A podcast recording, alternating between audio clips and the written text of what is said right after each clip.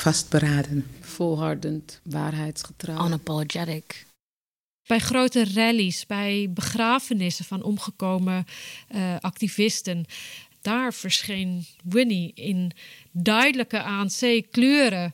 Uh, dat was verboden. Je mocht de kleuren van de ANC niet laten zien. Je mocht de vlag van de ANC niet laten zien. Maar daar stond Winnie en altijd zo met die vuist omhoog.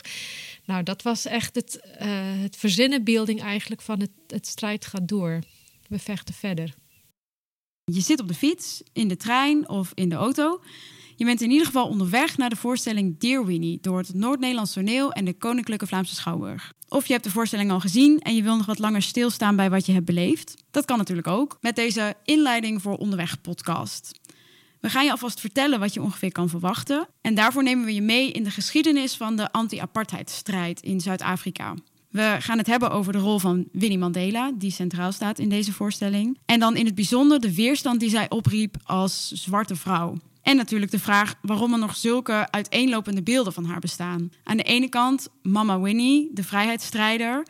En aan de andere kant Winnie, de vrouw van die een moord zou hebben gepleegd. Waarom kunnen sommigen haar nog steeds niet zien als vrijheidsstrijder, zelfs nu bekend is geworden hoe systematisch de witte machthebber haar heeft zwart gemaakt?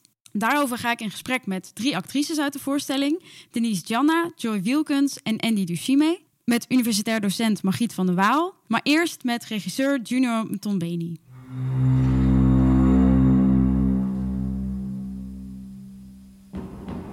Mijn naam is Sepunyani Junior Mtombeni. Ik ben de regisseur en muzikant van deze voorstelling. De voorstelling Dear Winnie. Samen met Fikri El Azouzi, die hier een stuk heeft geschreven, Salam, en César Janssens. Wij hebben samen al verschillende stukken gemaakt. Een stuk over Malcolm X en een stuk over Mohammed Ali, de Rumble in the Jungle, de tijd dat hij naar Congo ging. En deze keer maken we een stuk genaamd Deo Winnie. Wij werken heel graag samen omdat we elkaar heel goed aanvoelen. En bij Fikri ligt het accent op tekstschrijven, bij, bij César op de muziek, bij mij op, de regie. Wij gebruiken heel vaak, of uh, altijd, de stedelijke context. En wat dat, zoals dat je ziet, een stuk rond Mohammed Ali of, of Malcolm X of Winnie gaat over helden. Onze helden. En meestal zie ik ook gevallen helden en wij proberen hun in een hedendaagse context te plaatsen. Wie zou Winnie zijn in deze tijd in een grootstad? Of wie zou Malcolm zijn? Of wat zou Mohammed Ali ons te vertellen hebben? Mijn vader is Zuid-Afrikaan, uh, heeft bij een Konto Sizwe gezeten. Dat is de gewapende strijd die het ANC aanvoerde. Hij heeft destijds, omdat er een paar mistoestanden waren, een brief geschreven naar Winnie Mandela. Zij was toen en is een uh, heldin, was dat voor hem. Er is al zoveel verteld rond Nelson, maar wat iedereen vergeet is de, de belangrijkheid van Winnie. Omdat zonder Winnie zou Nelson niet zijn wie dat hij nu was. Niemand zou nog aan hem gedacht hebben als hij in de gevangenis zat. She kept the fire burning, zeggen wij in een stuk van die veel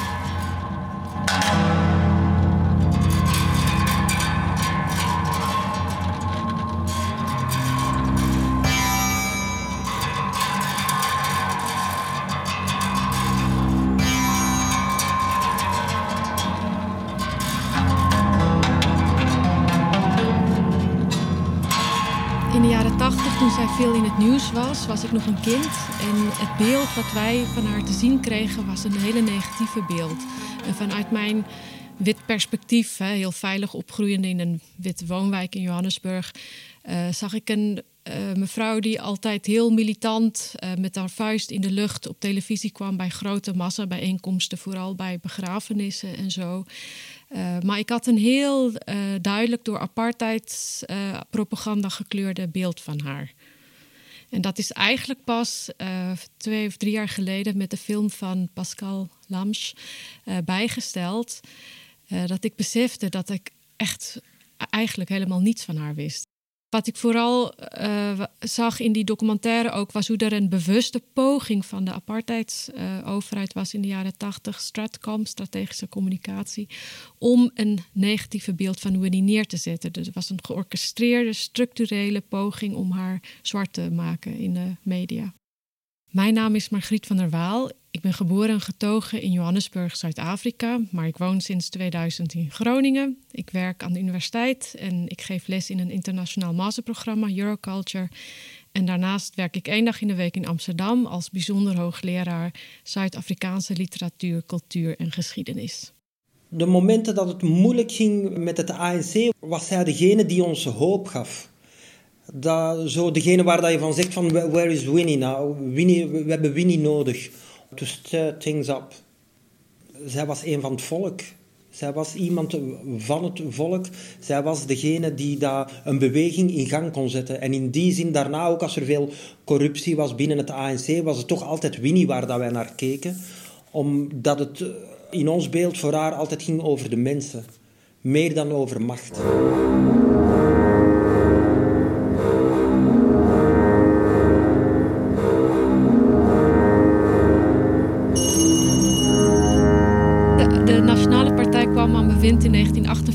Zuid-Afrika. En uh, vaak wordt het geduid als dat is de, het begin van de apartheid. Maar dat is echt klinkklare onzin.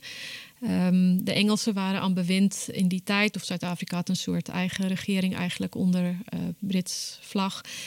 Uh, maar dat hele denken waarop apartheidsbeleid geschoeid is, hebben ze gewoon zo uit Europa overgenomen. En dat, dat is eeuwen van uh, moderniteitsdenken, waarin Europeanen zichzelf als bovenste, als het beste, als het meest gevorderde van echt iedereen heeft neergezet.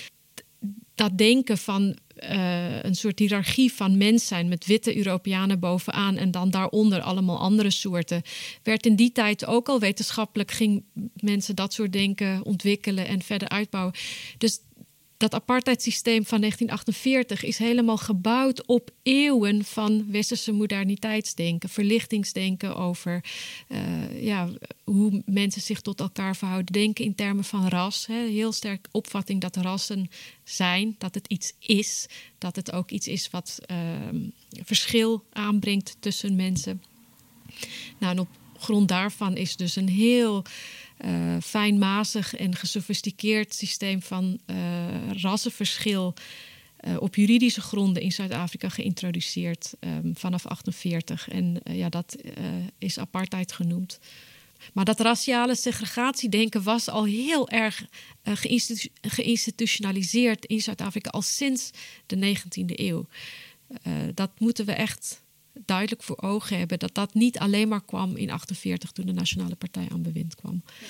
Bijvoorbeeld in 1913, de regering die toen in Zuid-Afrika aan bewind was, hebben de Native Land Act ingesteld. En dat uh, hield in dat uh, zwarte boeren onteigend werden van hun grond, kleinboeren. Uh, je mocht niet meer grond bezitten als zwart persoon dat heeft natuurlijk tot ontzettend veel uh, verdriet en um, verlies geleid. In die maand dat dat wet werd aangenomen, juni 1913, was het een heel koud wintermaand in Zuid-Afrika. En Sol Plaatje heeft erover geschreven, heel aangrijpend, hoe op de wegen honderden, duizenden uh, ontheemde zwarten zich plots van hun grond verstoten zagen en de weg moest nemen. Ze moesten gewoon opzouten. Dus die wetten zijn wel door de apartheidsregering vanaf na 48 uh, uh, ja, vervolmaakt, zou je kunnen zeggen. Maar zij hebben het niet uh, als uniek iets bedacht. Maar goed, het systeem ging heel ver. Er werd onderscheid gemaakt tussen wit Zuid-Afrika en Bantoestans. gebieden waar verschillende groepen zwarten dan hun eigen staat konden ontwikkelen. scheiding tussen gebruik van openbare gerieven. Scheiding op huwelijken tussen wit en zwart. geen seks over de kleurlijn heen. onderwijs anders voor zwart en voor wit. Uh, ga zomaar door. Alles werd in termen van ras gescheiden in Zuid-Afrika. Die ongelijke relaties, dat is heel duidelijk. Uh, zwarte Zuid-Afrikanen zijn ontnomen van hun politieke rechten. Ze hadden geen stemrecht. Ze werden ontnomen van hun burgerschap. Dus alle rechten die je als burger in een moderne staat zou... wat Zuid-Afrika voor zichzelf claimde, een moderne wereldstaat... Uh, dat hadden zwarte burgers niet. Die werden volledig van hun mensenrechten ontnomen onder apartheid. En daartegen vocht uh, groepen als de African National Congress, de ANC, maar ook andere groepen, de UDF, United Democratic Front later, en de Pan-African Congress, uh, in verschillende maten van uh, ja, heftigheid eigenlijk. Hè. Meer gemilitariseerd, minder gemilitariseerd.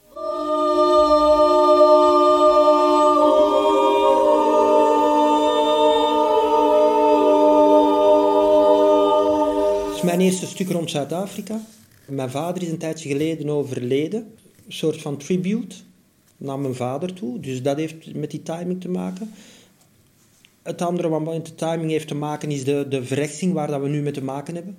Niet alleen Zuid-Afrika, maar Europees, uh, in Amerika, allee, wereldwijd. Eens kijken wat die strijders ons kunnen bijbrengen. Hoe relateer ik mij tot de gemeenschap nu? Twee, Drie is, je wilt toch haar naam uh, cleanen, bij wijze van spreken. Even een tegenbeeld geven naar het beeld dat er nu hangt rond uh, Winnie Mandela. En even vertellen waarom dat ze zo belangrijk is.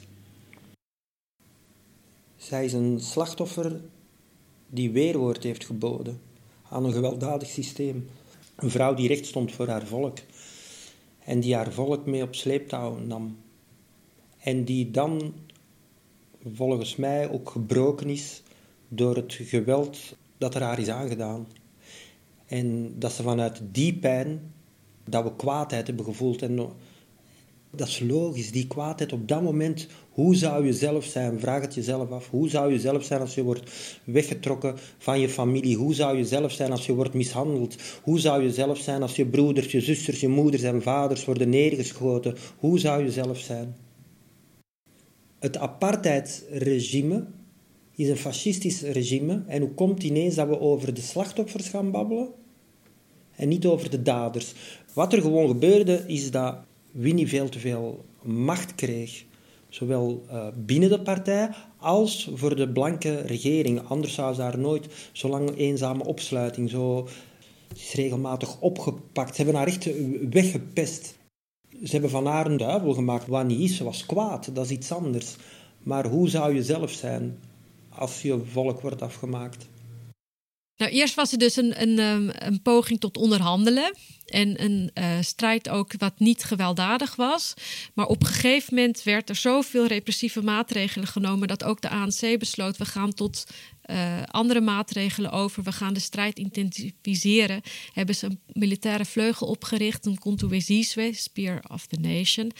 En toen zijn ze met een gewelddadige tegenstem uh, gaan antwoorden om de gewelddadige uh, structuur en systeem van apartheid weerwoord te bieden. Nou, uh, de hele Rivonia trial uh, is hier de, de, resultaat van eigenlijk. Hè. Mandela, Nelson Mandela met een groep medeleiders zijn gearresteerd op grond van verdenking van terroristische activiteit. hij is daarvoor voor hoogverraad aangeklagen en toen 27 jaar naar de gevangenis. Hij had ook de doodstraf kunnen krijgen, wat in die tijd ook in Zuid-Afrika gepraktiseerd werd. Um, en na de Rivonia Trial van 1963 is een algehele verbod op weer, uh, apartheidsweerstandsgroepen geplaatst. Dus de ANC is verboden, de PAC, PAC is verboden. Je mocht de kleuren niet laten zien.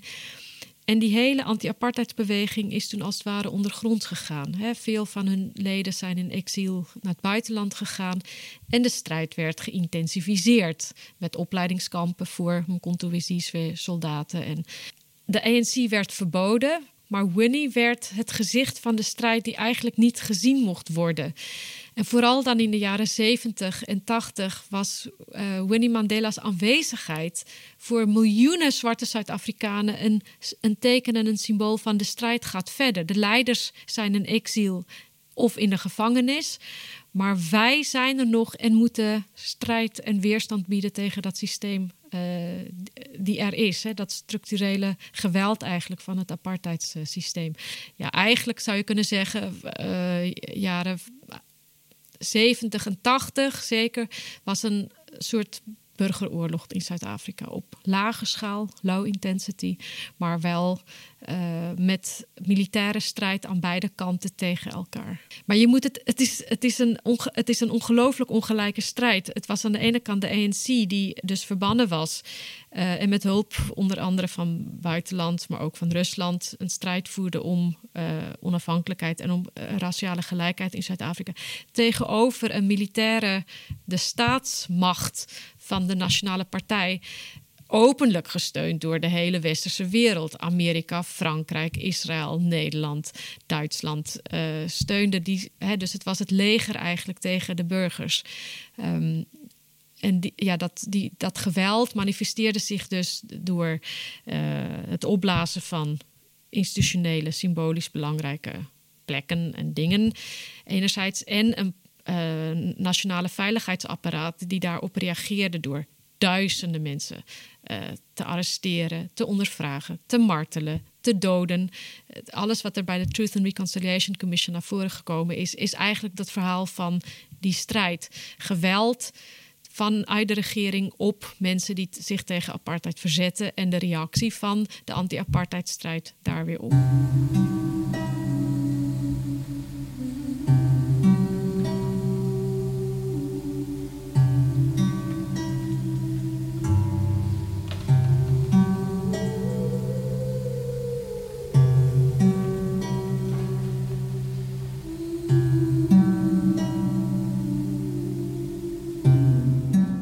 Ik ben in een project terechtgekomen om te beginnen met acht fantastische medespelers. Waar ik echt me super blessed voel om met al die inspirerende vrouwen te werken. Met een artistiek team wat echt een visie heeft, een idee, maar vooral engagement. Wat je niet altijd helaas tegenkomt in theater. En ik heb het idee dat we een heel erg mooi en belangrijk verhaal aan het vertellen zijn op een hele uitzonderlijke manier. Dus elke dag is een soort verrassing, maar is ook een, uh, een gift. Klinkt een beetje weeg, maar dat is het echt. Voor mij is dat wel belangrijk om elk seizoen op zijn minst iets te doen wat bijdraagt aan zichtbaarheid als het gaat over en representatie, als het gaat over zwarte acteurs, zwarte spelers, zwarte verhalen, zwarte legendes en zwarte helden, in dit geval Winnie Mandela.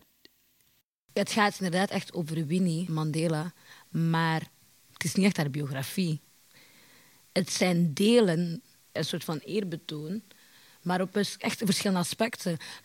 Dat mensen haar gewoon echt zien als een, als een vrouw, als een mens, zoals wij allemaal. Ik denk dat dat meer het hart is of zo van het stuk. Ik vind deze voorstelling een geschenk. Ik ben hier in een project waarbij ik met acht sisters ben met wie je gelijk een soort sisterhood hebt en de kracht van vrouwen bij elkaar is zo uitzonderlijk. En er is heel veel diepgang, er is heel veel emotie. Het is heel intens. Als je diep je in een onderwerp, in dit geval persoon, verdiept, dan ga je op een gegeven moment voelen. Hoe dichter je bij de persoon komt, hoe meer je gaat voelen van die persoon. We hebben Winnie Marikizela en we hebben onze eigen persoonlijkheden en onze eigen gevoelens. En zoals zij ons raakt, maakt zij weer heel veel bij ons los. En dat wordt allemaal weer bij elkaar gemengd en, en geroerd in een grote pan. Ze stond ergens voor. Ja. En daar leefde ze naar en ze wist gewoon van ik offer heel veel op. Weet je, maar bij de mannen dan is het toch anders. Als het een sterke man is, dan is het gewoon hij is groot, sterk, machtig, punt. Ja. En een vrouw, ze is groot, sterk, mag. Ja, maar ze was toch wel een bitch hoor. Ja, maar ze had toch wel haar op de tanden. Zo praten we over vrouwen. Je mag sterk zijn en zo, maar je moet niet te ver boven het maaiveld uitsteken. En je moet niet een te grote mond hebben. Nou, die had zij, godzijdank wel. Het feit dat, dat het een vrouw was die het zei, die het deed. Als je gewoon kijkt dat we echt in een soort van man's leven en een white man's world. Dus er is een bepaalde wel hiërarchie. En als we al kijken dat de zwarte man al redelijk benadeeld is, en ik denk dat voor de zwarte vrouw nog meer een, uh, nog lager staat. En ik denk, ja, het heeft gewoon te maken met hoe dat ons systeem, het systeem, wereldsysteem gewoon in elkaar zit. En dat het bij Winnie ook geen verschil was. Ik denk dat het gewoon heel erg goed weergeeft hoe het systeem al jaren stuk is. En in het geval van de zwarte vrouw echt in ons nadeel werkt.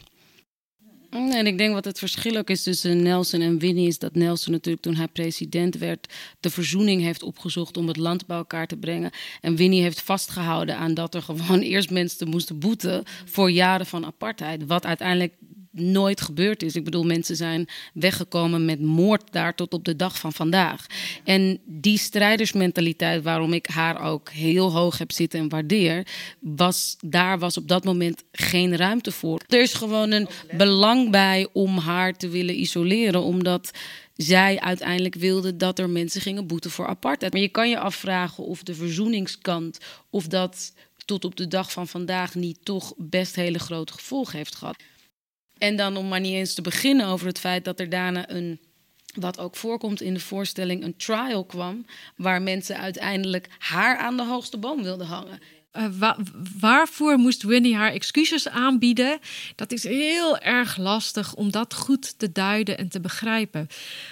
Um, het is noodzakelijk om te begrijpen dat Winnie op een gegeven moment, uh, eind jaren zeventig, werd ze verbannen uit Johannesburg en werd in Brandvoort werd ze in exil geplaatst eigenlijk door de regering.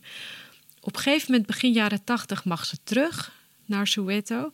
Dan is het die intensivisering eigenlijk van die uh, burgeroorlog, veel militaire geweld in de townships.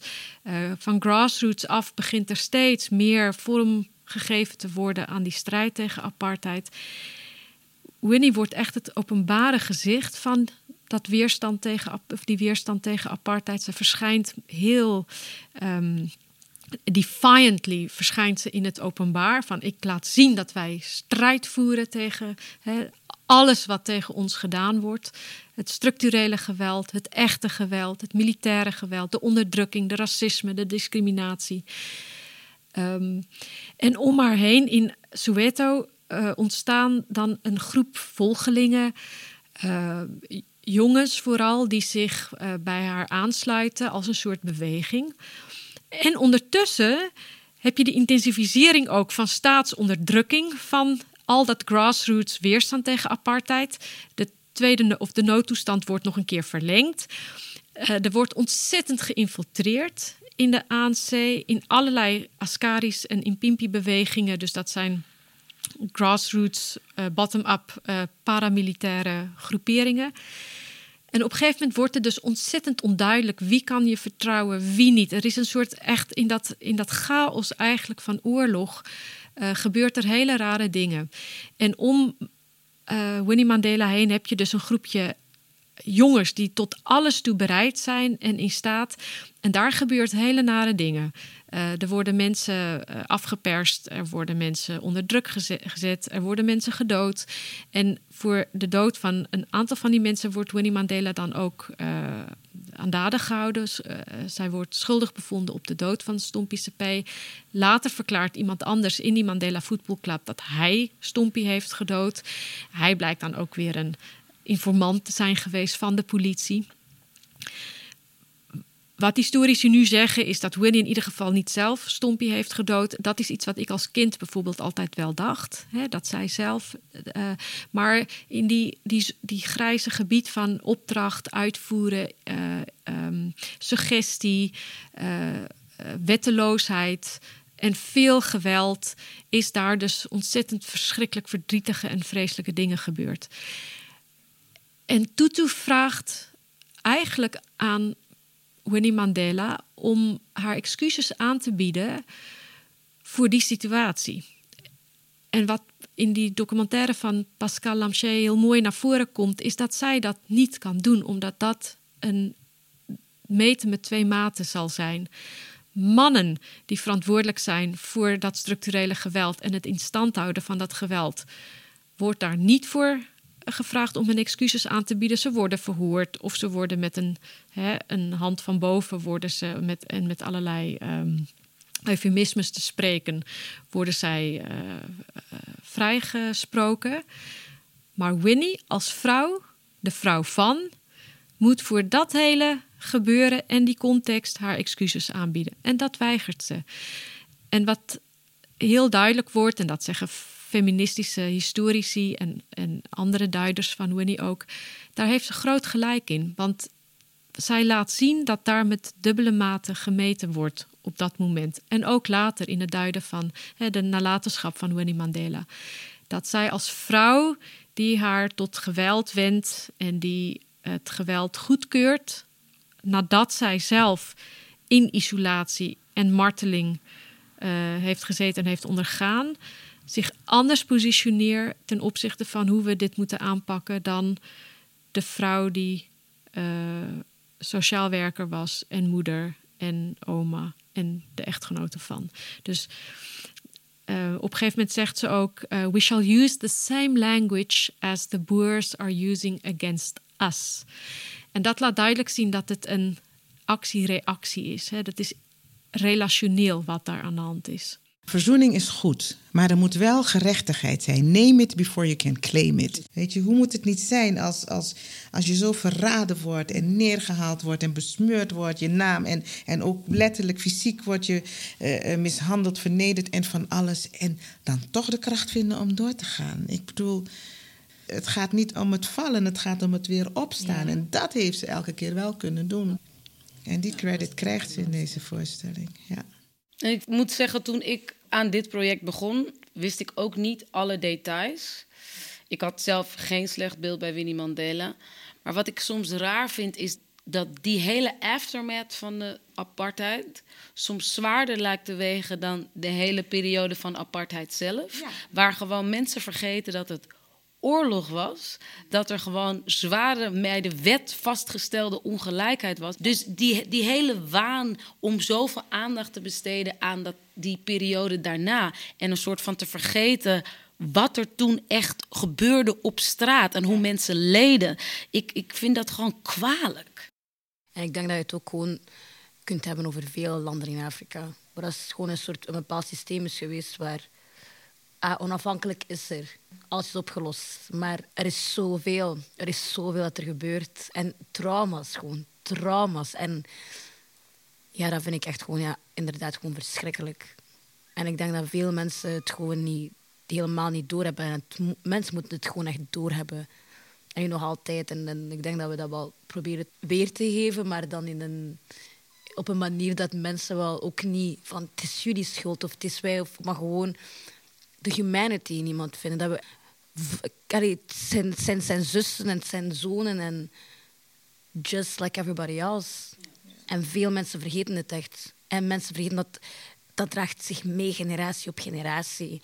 Wat erna gebeurt en wat er niet gebeurt met wat er daarvoor gebeurd is. Want dat moet meegenomen worden. Want dan kan je komen tot echte vooruitgang, vooruitgang heling, vergeving en alles. Weet je, ja, dat, dat is wel belangrijk. Het is altijd goed en zo, maar er moet wel erkend worden wat er gedaan wordt. zie jij mij? Ik zie jou. Zie jij mij? Zie jij mijn pijn? Begrijp jij wat ik doorgemaakt heb? Dan kan je tot elkaar komen. En dan is niet in één keer de pijn weg, maar dan, dan kan je elkaar helpen helen. Ik denk dat de, de vooruitgang en de healing zo belangrijk is, omdat ik soms inderdaad dit soort gesprekken, het wordt weer december, Sinterklaas komt er weer aan. En mensen komen met dingen als: Oh god, moeten we het weer over slavernij hebben?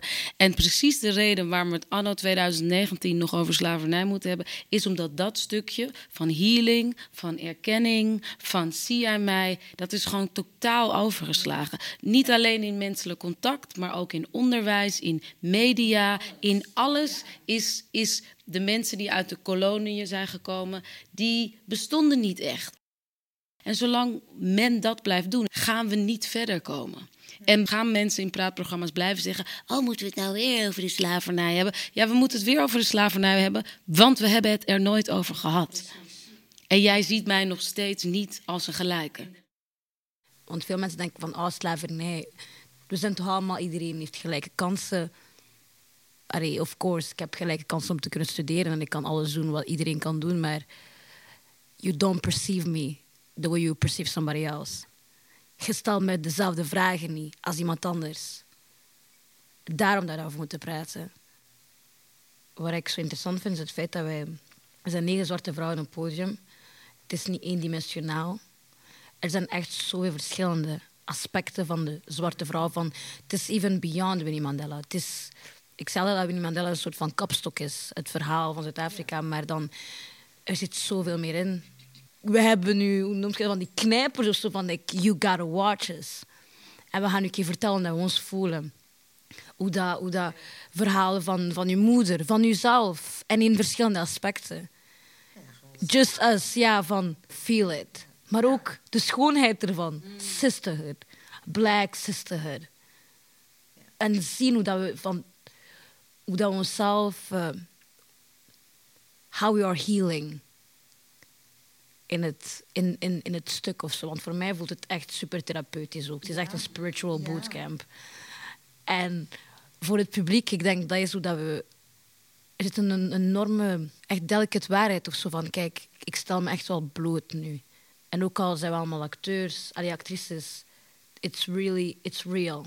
En dat vind ik ook wel mooi, denk van die delicate truth, dat dat heel belangrijk is dat wij dat vertellen in onze eigen capsule en op onze eigen manier. Omdat ik ook vaak vind dat we nog tot op de dag van vandaag bestolen worden van onze eigen waarheid eigenlijk. Dus heel vaak in situaties je zo je aanpast, denkt voor de ander, de ander op het gemak stelt.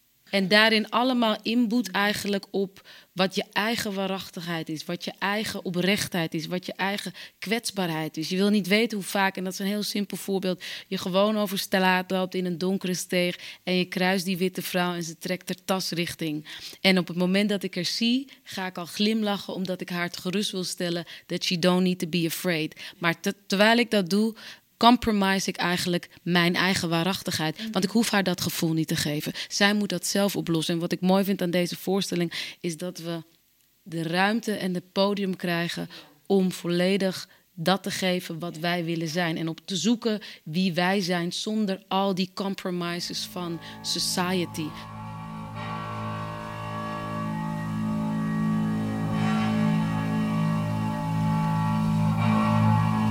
Zal misschien dingen horen die minder leuk zijn. Of, of misschien denk je in eerste instantie, kan er een moment zijn dat je denkt van nou, nou, nou, nou, nou. Maar stel je open van dat het komt wel ergens vandaan. Dus probeer om in ieder geval alles tot je te nemen. Ik bedoel, openheid, dat is wat we van het publiek verwachten.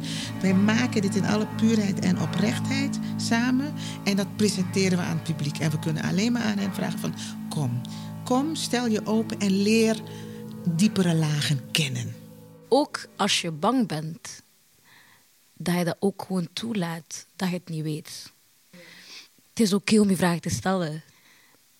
Don't apologize for how you're feeling about it. Want ik denk, ik wou dat mensen dat vaker tegen mij zeiden.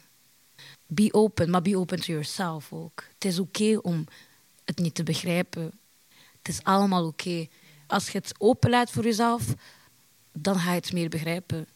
Zo werkt het leven een beetje. Ik zou het heel vervelend vinden om het publiek dingen te moeten opleggen. Maar ik hoop dat ze vooral ook een gezond enthousiasme met zich meebrengen.